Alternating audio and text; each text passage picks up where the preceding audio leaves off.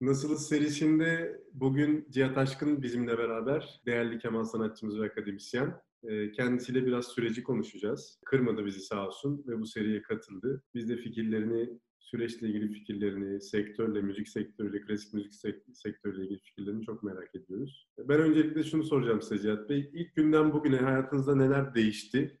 İlk, ilk sürece nasıl adapte oldunuz? Şu an o süreçten sonra normalleşme sürecine nasıl adapte oluyorsunuz? Ee, önce buradan başlamak istiyorum ben. Tabii ki korona süreci bütün dünyada herkesi etkilediği gibi bizleri de etkiledi. Sanat dünyasını etkiledi. Konserler iptal edildi. Kurumlar kapandı.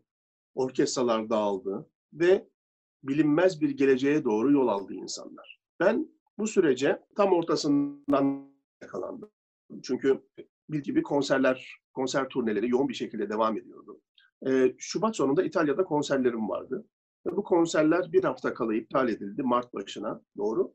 Ve Avusturya'daki etkinlik iptal edilmedi. Biz Avusturya'ya gitmiştik. Avusturya'da döndükten hemen sonra yani 8 Mart akşamı döndük. 9 Mart günü Sağlık Bakanlığımızın açıklamasıyla gönüllü karantina sürecine girdik. Gönüllü karantina süreci neydi? 14 gün boyunca evimizde kalacağız ve dışarı çıkmayacağız. Ama ben tabii e, aktif bir insan olarak bu anlamda oldukça üretmem lazımdı, bir şeyler yapmam lazımdı ve e, düşündüm ki e, evden insanlara seslenebiliriz. 15 Mart Pazar günü için hemen bir konser planladım.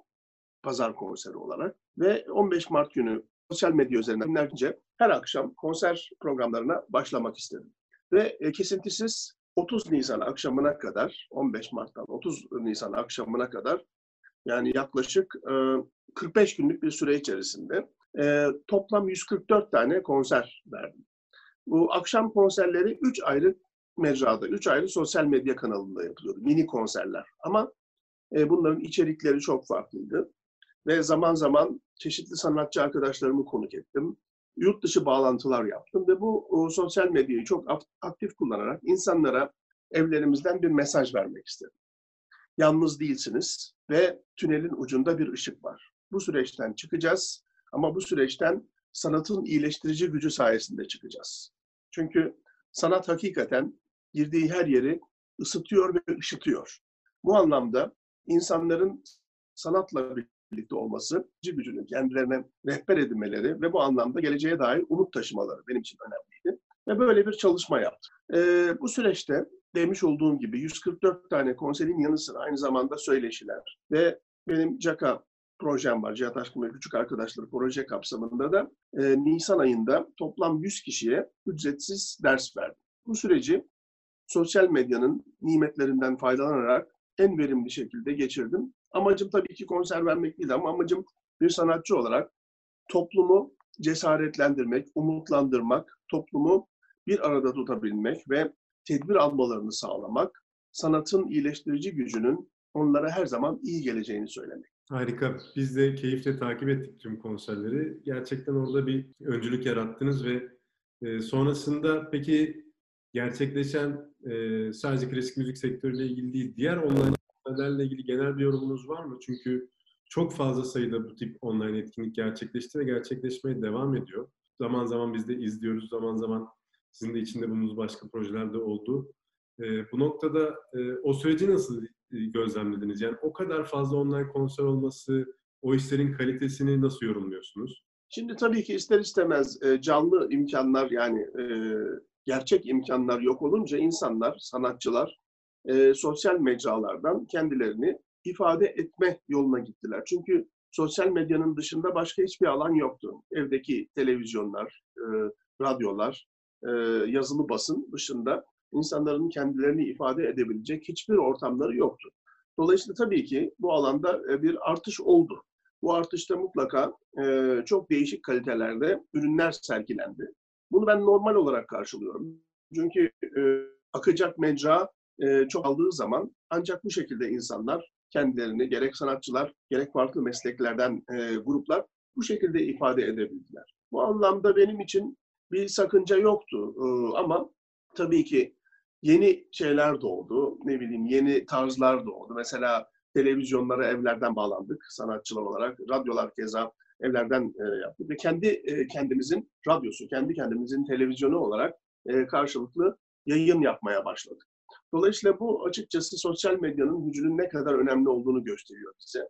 E, tabii ki çok sayıda konserler olması, mesela büyük kurumların kendi e, kütüphanelerini e, genele açmaları, ücretsiz açmaları, önemli dünya yüzündeki orkestralar, şifrelerini paylaşarak bir ay boyunca e, çeşitli ücretsiz arşiv konserleri yayınladılar. Bu da tabii çok önemli e, bir e, gelişmeydi benim için. E, bu anlamda tabii ki ister istemez bu konserlerin sayısının artması kaliteli ve daha farklı kalitelerde olan çokça konserin yer almasını sağladı. Peki klasik müzik sektörüyle ilgili yani senfoni orkestraları sahne üstünde bile 60 kişiler, 100 kişiler olan bir e, daldan bir sanat dalından bahsediyoruz. Sizce nasıl ilerleyeceğiz? Kısa vadede, orta uzun vadede, uzun vadede sizce online seyircisiz konserler gibi bir sürece mi gireceğiz önce? Önce sahnede sanatçılar buluşacak ama seyircileri mi görmeyeceğiz? Yoksa e, bir daha hızlı bir iyileşmeyle hem seyircinin e, hem sanatçıların topluca özellikle orkestra konserlerinden bahsediyorum. Sahnede 50'den daha fazla insanın olduğu konserlerden bahsediyorum. Sizce tekrar eski hayatımıza dönebileceğiz mi ya da döndüğümüz hayat yeni bir hayat mı olacak? Onu biraz yorumlamanız. Merak ediyorum o konudaki fikrinizi. Eski hayata dönmek bence söz konusu değil. Her zaman var. Ve bu koronanın dünyaya vermiş olduğu mesaj da çok daha farklı bir geleceğin bizleri beklediği. Her ne kadar eski hayata dönmeye yüz tutsak bile bunun bilincini aklımızda, yüreğimizde taşıyacağız. Biliyorsunuz ben o dönemde canlı konser de yaptım. 23 Nisan günü televizyon kanalları için, bazı televizyon kanalları için ve radyolar için Kadıköy Süreyya Operası'nda bir canlı konser gerçekleştirdim arkadaşlarımla beraber. E, bu konserde tabii sanatçılar olarak sosyal mesafeyi sahnede göz, gözledik ama seyirci yoktu. Sadece televizyon kanalları vardı ve canlı yayınlandı. Şimdi bu tip e, çalışmalar dünya yüzünde de yapıldı, farklı yerlerde de yapıldı. E, bundan sonra ne olacak? E, açıkçası kestirmesi zor ama şunu gösteriyor. Tabii ki online süreçler çok rağbet görecek. Gerek eğitim anlamında, gerekse konser anlamında, müzik açısından. Ee, onun dışında kurumlar online hizmetlerini, altyapılarını daha da e, aktif hale getirerek daha geniş kitleye ulaşma bakımından çalışmalar yapacaklar. Büyük konser salonlarının bu sürece gireceğine düşünüyorum. Ama mesela bazı konser salonları yeni düzen için e, sandalye sayılarını azaltmayı planladılar veya az seyirci alacaklar.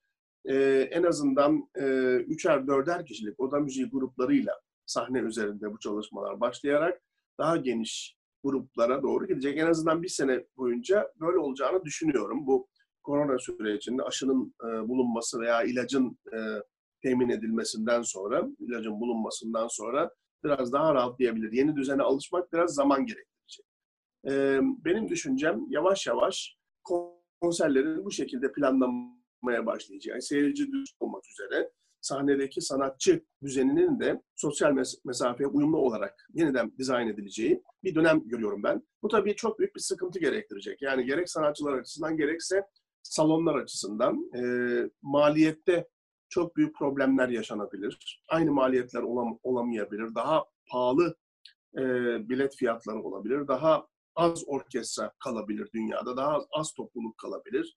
İnsanlar birazcık daha e, bu genel alana yayılmış olarak e, devam edebilirler. Ama e, toplulukların daha az olabildiği, daha belki e, maddi gücü e, yüksek olan toplulukların, e, sponsore olan toplulukların ayakta kalabileceğini öngörüyorum. Onun dışında mutlaka bir farklılaşmaya gideceğini öngörmek. Evet, bir noktada önemli bir yere yaklaştınız aslında. Ben de konuyu oraya getirecektim. En çok zarar gören sektörlerden bir tanesi etkinlik sektörü, müzik sektörü, hizmet sektörünün tümüyle beraber müzik sektörü ve buradaki bütün emekçiler, sanatçılar da bunların içine giriyor. Diğer teknik personel, emeği olan herkes, organizatörler, menajerler, tümü. E, bir noktada ben şahsen hani e, bir hareketin başlaması için az seyircili, seyircisiz, özellikle şu an klasik müzik sektörünün sizinle konuştuğumuz için söylüyorum. Belki sahnede mümkün olduğunca e, mesafeli oturmalar, bir takım teknolojik şeylerden faydalanarak plexilerle, plexiglasslarla, bir takım panellerle belki sahneyi bölmek gibi çözümler üretilmesini düşünüyorum. Bu yönde de bir takım çalışmalarımız oldu. Biz de bu sektörün bazı paydaşları olarak. E, dolayısıyla bu sektörün emekçilerine, sanatçılar başta olmak üzere tüm emekçilerine destek olmak için belki birazcık tüm kaynakların, markaların, yönetimlerin, kültür merkezlerinin birazcık fitili ateşlemesi gerekiyor diye düşünüyorum. Bu normalleşme süreci devam ederse, iyiye doğru giderse tabii ki en başta sağlık geliyor ama çok büyük bir problem yaşamazsak ki öyle ümit ediyoruz. Bu kontrol devam ederse, iyileşme devam ederse en azından sanki 2019-2020 sezonunu yavaş yavaş seyircili ya da seyircisiz yavaş yavaş hareketlendirmek ve açmaya konsantre olmak bizim için sanki umut olacak diye düşünüyorum ve o yönde konsantre olmamız gerektiğini düşünüyorum. Bizim konsantrasyonumuz öyle. Genel olarak konuştuğumuz sektördeki tüm insanların da e, şeyi öyle, o yönde e, konsantrasyonu ve hatta bu yaz bile bir takım işler yapmaya çalışan bir takım öncü kurumlar, özel kurumlar, e, bir takım kamu kuruluşları kulağımıza geliyor. Umarız bu süreç güzel bir şekilde devam eder ve belki çok daha yakın hani sonbahar değil Temmuz ayından itibaren güzel etkinliklerde tekrar buluşuruz diye ümit ediyoruz. Ee, şunu görüyorum. E, açıkçası tedbir e, her şeyden çünkü insan çıkmaya, topluluk içerisine girmeye korkuyorlar. Ben mesela e, markete gitmeye, berbere gitmeye eskisi e, e, kadar çok yapmıyorum. Yani e, gidemiyorum. E, açıkçası endişe var içinde. Bende bu varsa e, milyonlarca insanda da aynı şey var. Dolayısıyla insanların temel ihtiyaçları birinci önceliklik geliyor her zaman. Böyle bir bakkala gitmek, alışveriş yapmak, pazara gitmek vesaire. Ondan sonra kültürel ihtiyaçları, kendi kimlik ihtiyaçları geliyor ki buna baktığımız zaman müziğin, sanatın her zaman biraz daha lüks bir tüketim olduğunu görüyoruz. İşte bu lüks tüketimlikten çıkarak biraz daha umuma yayılması, topluma yayılması gereken mecralar gerekiyor zannediyorum. Bu anlamda da insanların geleceklerini, sağlıklarını tedbir altına alıp da insanların kendilerini güvende hissedebileceği bir ortamda e, onlara sanat sunmak hizmetini yapabilen kurumlar da daha çok öne çıkacaklar, daha başarılı olacaklar. Evet, bir de tabii bu işin yani biz şu anda birazcık Türkiye'ye konsantre olduk ama genelde bütün dünyada böyle bir konsantrasyon var zaten. İyileştirme çabaları, normalleşme çabaları, ee, dediğiniz gibi konser salonu, sahne, oturma düzeni, düzenlemeleri, yeni araştırmalar. O noktada siz de yurt dışında çok fazla konser veriyorsunuz biliyorum. Ee, ve şu anda takviminiz mesela 2021 takvimi nereden itibaren yurt dışı ile ilgili e, dolmaya başladı? Onu birazcık merak ediyorum açıkçası. Evet. Şimdi e, bildiğimiz gibi bu e, salgın sürecinde her şey e, ertelendi e, ilk önce bir 6 ay kadar ertelendi. Yani Eylül-Ekim'e ertelenmişti Amerika'daki bazı konserler. Ve işte geçtiğimiz haftalarda aldığımız haberlere göre şimdi 2021 Mayıs-Haziran'da bunlar gerçekleşecek. Ve e, daha küçük çaplı konserleri en erken Aralık 2020 aralığında başlayabilecek benim için. Çünkü e, Eylül-Ekim'de yapılacak herhangi bir faaliyet bile öngörülemedi. Bu anlamda e, en erken Aralık takviminden itibaren bir yoğunlaşma başlıyor ama o da tabii ki her an ertelenebilecek durumda. Bu tabii ki e, sahne üzerine çıkıp da yapacağımız şeyler. Fakat bunun yanında online özellikle yaz kursları, master class'lar, eğitim faaliyetleri, eğitim ve sanatın beraber olduğu faaliyetler çok büyük bir şekilde devam ediyor. Bu alanda dünyadaki ilklerden birini biz oluşturduk. E, 1-15 Temmuz tarihleri arasında Aşkın Akademi'ye 3 e, ayrı kategoride yaz okulu yapıyoruz. E, CAKA, yani Küçük Arkadaşlar Projesi, Gençlik Atölyeleri ve Aşkın Ensemble Eğitim Programı çerçevesinde beşer günlük aralarla e, 15 yaz okulu yapıyoruz ve tam 31 öğretmenin katılımıyla yurt dışından ve yurt içinden. Hemen sonra Temmuz ayının ortasında e, İngiltere'de aynı şekilde bir kursa, İngiliz kaynağı İngiltere'de katılmayacağım. Yine olduğum yerde Türkiye'den katılacağım online olarak ama Londra'da, e, Londra merkezli bir yaz okulunda devam edeceğim. Ve e, Ağustos başında da Amerika merkezli bir yaz okulunda devam edeceğim. Dolayısıyla bu yazın e, online sistemler bu şekilde devam edecek. Konserler de mutlaka bu çerçevede yapılacak. E, ama e, faal olarak e, zannediyorum bazı kurumlar e, Ekim ayında perdelerini açacaklar Türkiye'de ve ben sonbahar aylarında da İstanbul'da e, bir resitalle herhalde yeni döneme merhaba diyeceğim öyle gözüküyor. E, ve Aralık'tan itibaren de Avrupa'da biraz daha aktif olmaya tekrar başlayacağım. E, akademisyen olarak eğitim tarafına da e, değindiniz. Ben de onu soracaktım ama konu kendiliğinden geldi. Daha güzel oldu. Eğitim konusunda online eğitimin genel olarak e, tüm okullarda ve masterclass'larda daha pratik olması sebebiyle e, belli bir yüzdede kalıcı olacağını düşünüyor musunuz? Ben e, kalıcı olacağını düşünüyorum. Çünkü e, eğitim her şeyden önce bir öğrenciye, bir talebeye aktarım. Ustadan çırağa bir aktarım. Dolayısıyla ben e, online sistemle yani çevrim içi sistemlerle daha yeni tanışmadım. 7-8 senedir zaten ben bu sistemleri kullanıyordum. Özellikle eğitimde kullanıyordum ve online sistemlerle yaptığımız çalışmaların daha verimli olduğunu da gördüm ben. Sebebi de şu, çünkü o sistemde teknik sorununa konsantre oluyorsunuz. Yani şu kadar bir çerçeve içerisinde çerçevedesiniz ve öğrencinin e, eline konsantre olabiliyorsunuz, koluna çeşitli teknik hususlara konsantre olmanız çok daha rahat oluyor.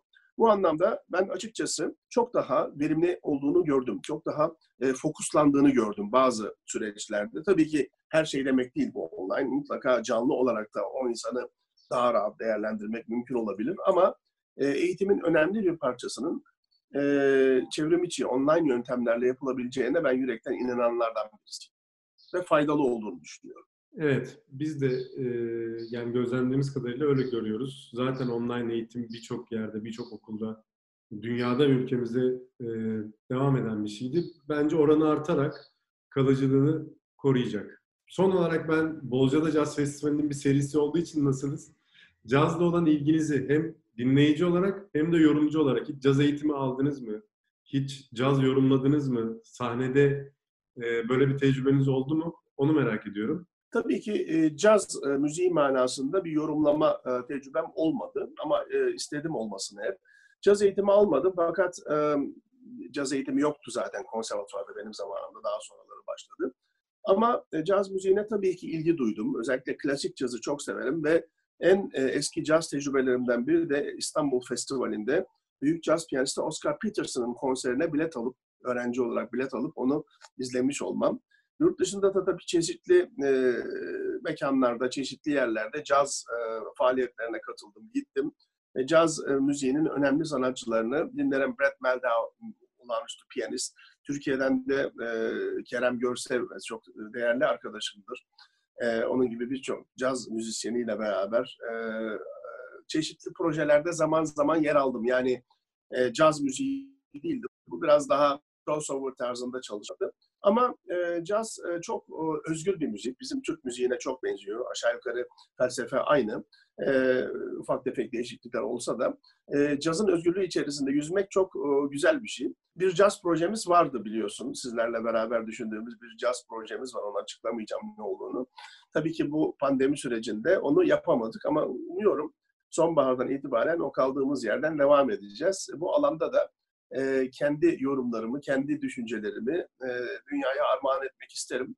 E, tabii ki bunun yanı sıra e, cazdan etkilenmiş klasik besteciler, Gershwin gibi, Ravel gibi bu büyük bestecilerin eserlerini tabii ki yorumladım ama onlar hakikaten e, tabii caz müziğinin klasik bir ögesi olarak adlandırılır. Belki gerçek yaşayan caz olarak adlandırılamaz ama e, o anlamda tabii ki çalışmalar yaptım. Fakat e, bahsettiğimiz manada olan e, daha özgür bir çalışmayı da yapmak için dört gözle bekliyorum, fırsat buluyorum. Umarız her şey bir an evvel güzelleşir, düzelir ve hızlıca İnşallah. o hayata geçer. Çok teşekkür ederiz, çok sağ olun. Bizi Ben de çok çok teşekkür ederim bu güzel söyleşi için ee, ve bu vesileyle Bozcaada Jazz Festivali'ne başarılar diliyorum. Bütün çalışanlara, bütün dinleyicilere güzel bir sezon diliyorum. Çok sağ olun, çok teşekkürler.